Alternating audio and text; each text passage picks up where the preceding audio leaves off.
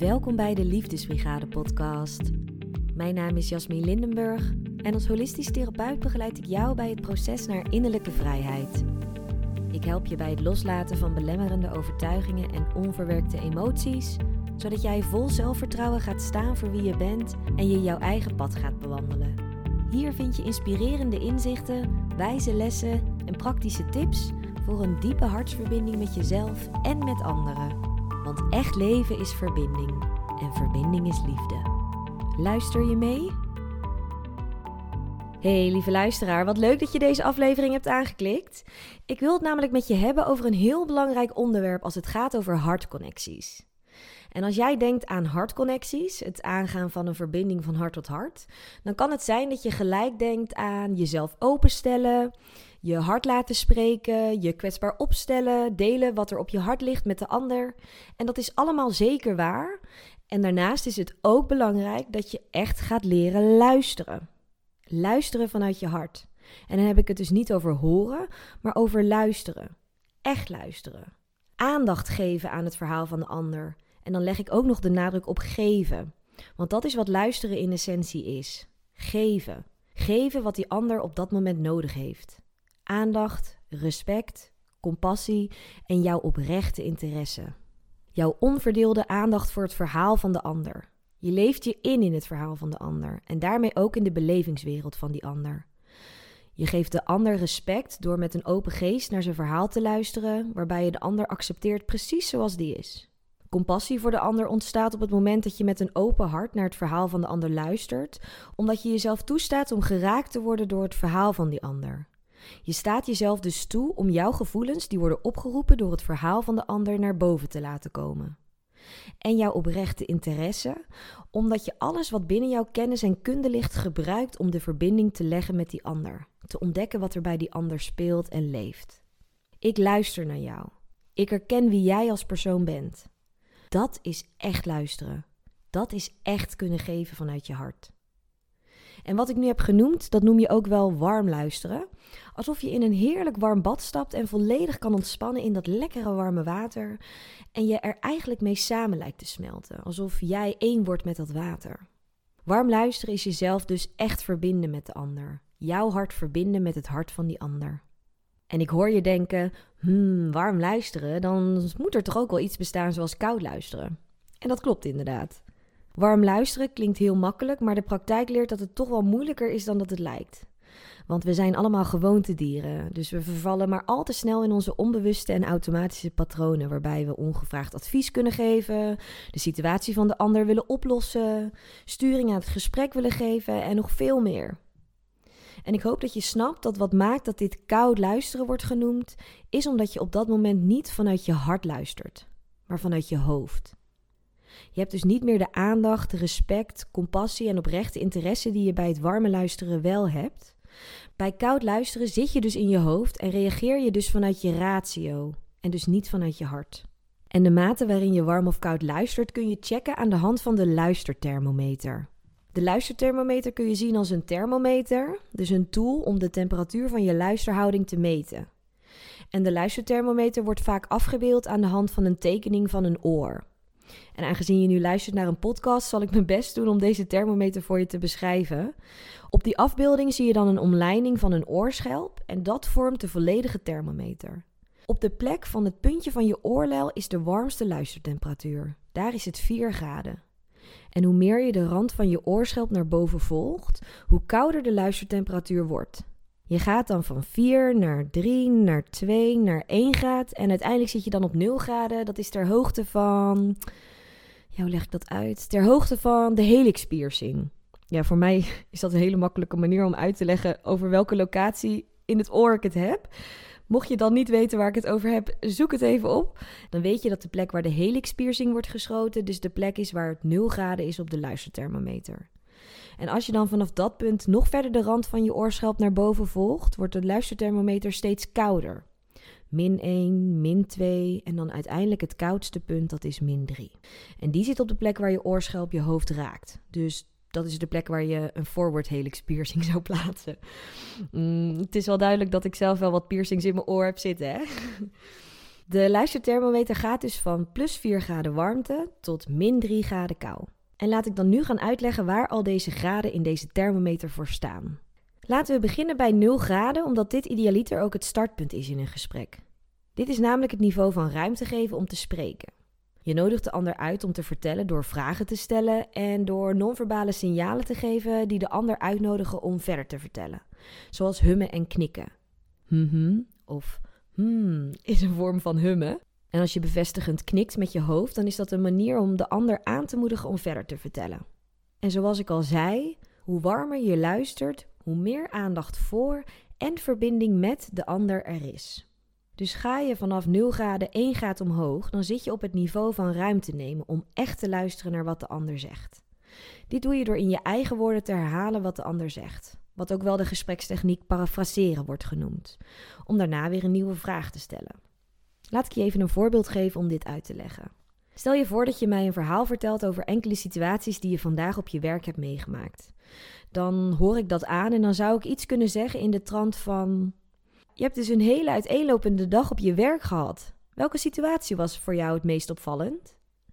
In deze reactie geef ik dan kort in mijn eigen woorden weer wat jij zojuist hebt gezegd. Dan ben ik dus aan het parafraseren. En ik stel een vervolgvraag om jou verder te laten vertellen over je dag. Dat is dus luisteren bij 1 graad. Het niveau van ruimte nemen om echt te luisteren naar wat de ander zegt. Als je een graad naar boven gaat, dan kom je dus op de 2 graden. En daar ligt het niveau van proeven met welk gevoel de ander iets zegt. Nu zitten we dus op het gevoelsniveau.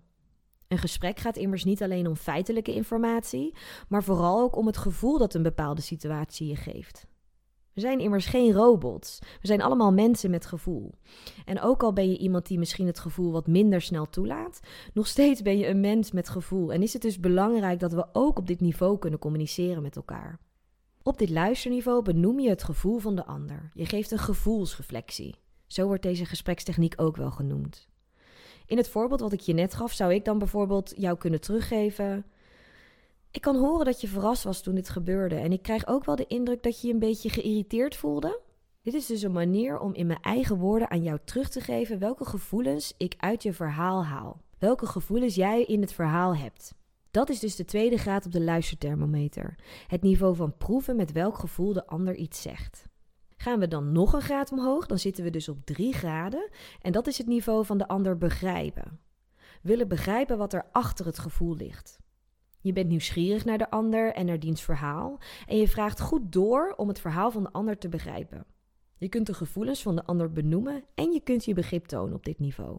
In ons voorbeeld zou ik op dit niveau bijvoorbeeld willen ontdekken waar je irritatie dan precies vandaan kwam.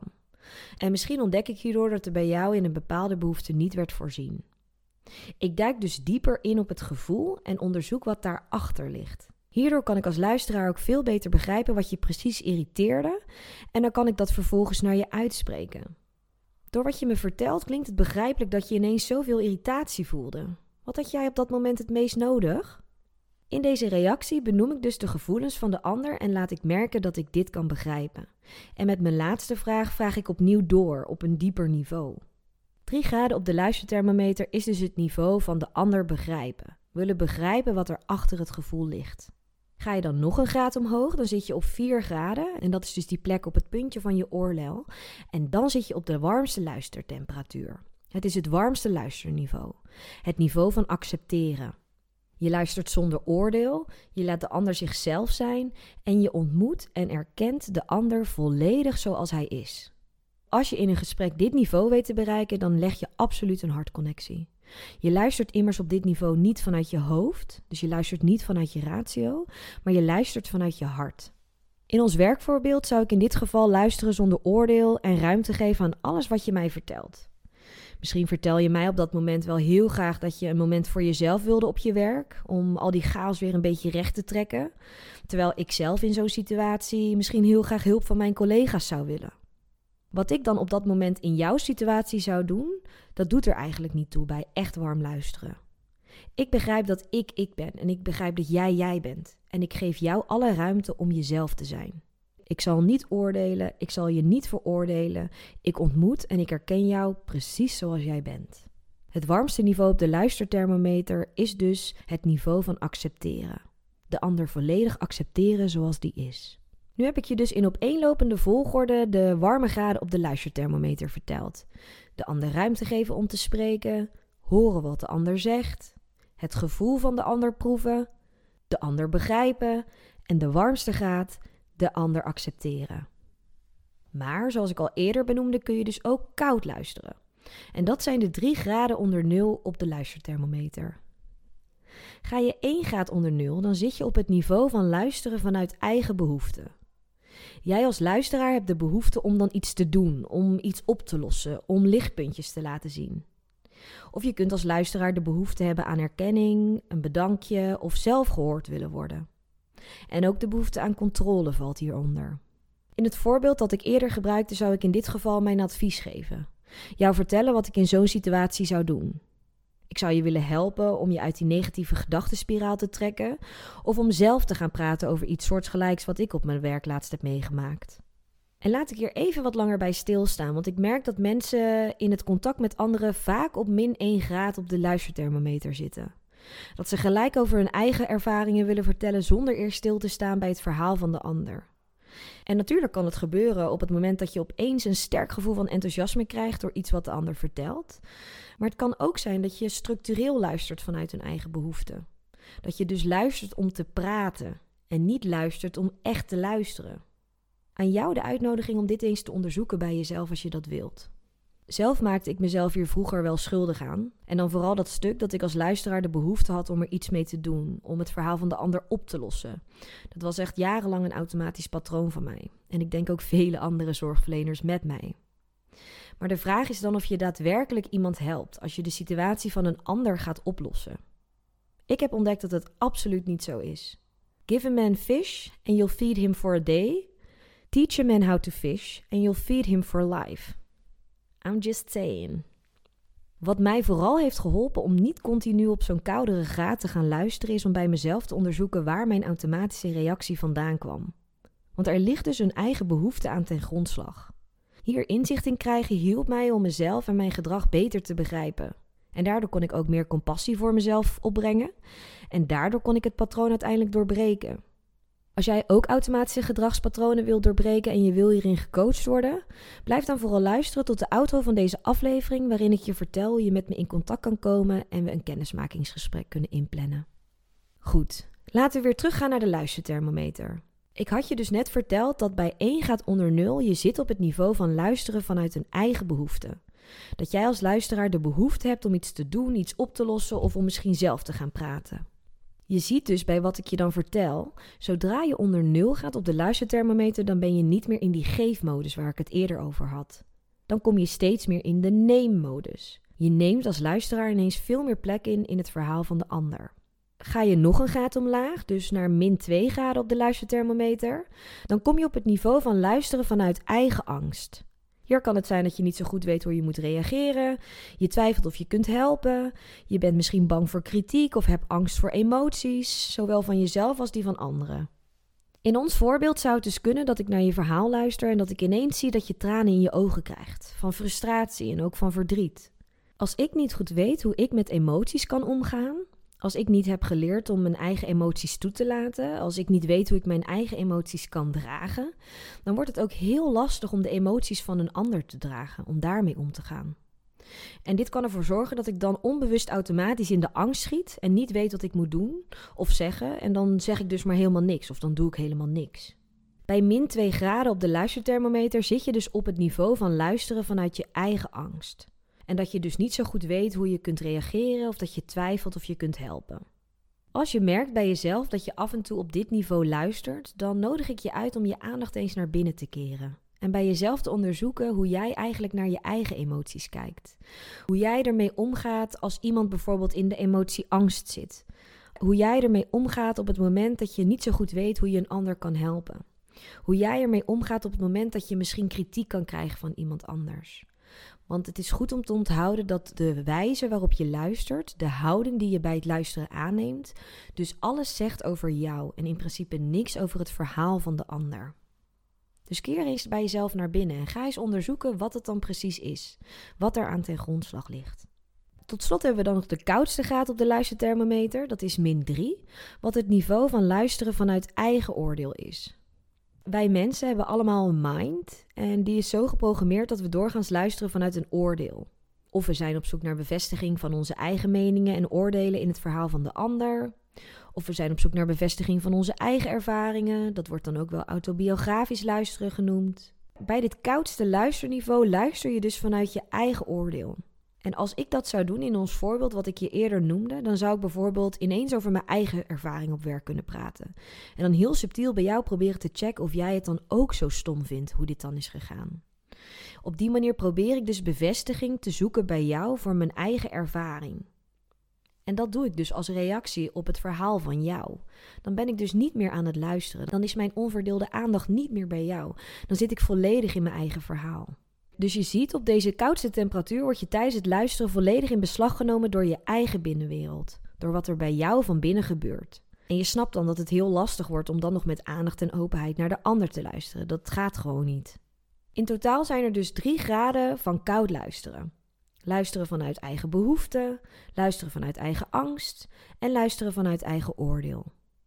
En hoe kouder het wordt op de luisterthermometer, hoe minder je gericht bent op de ander en hoe minder je dus nog echt kan luisteren.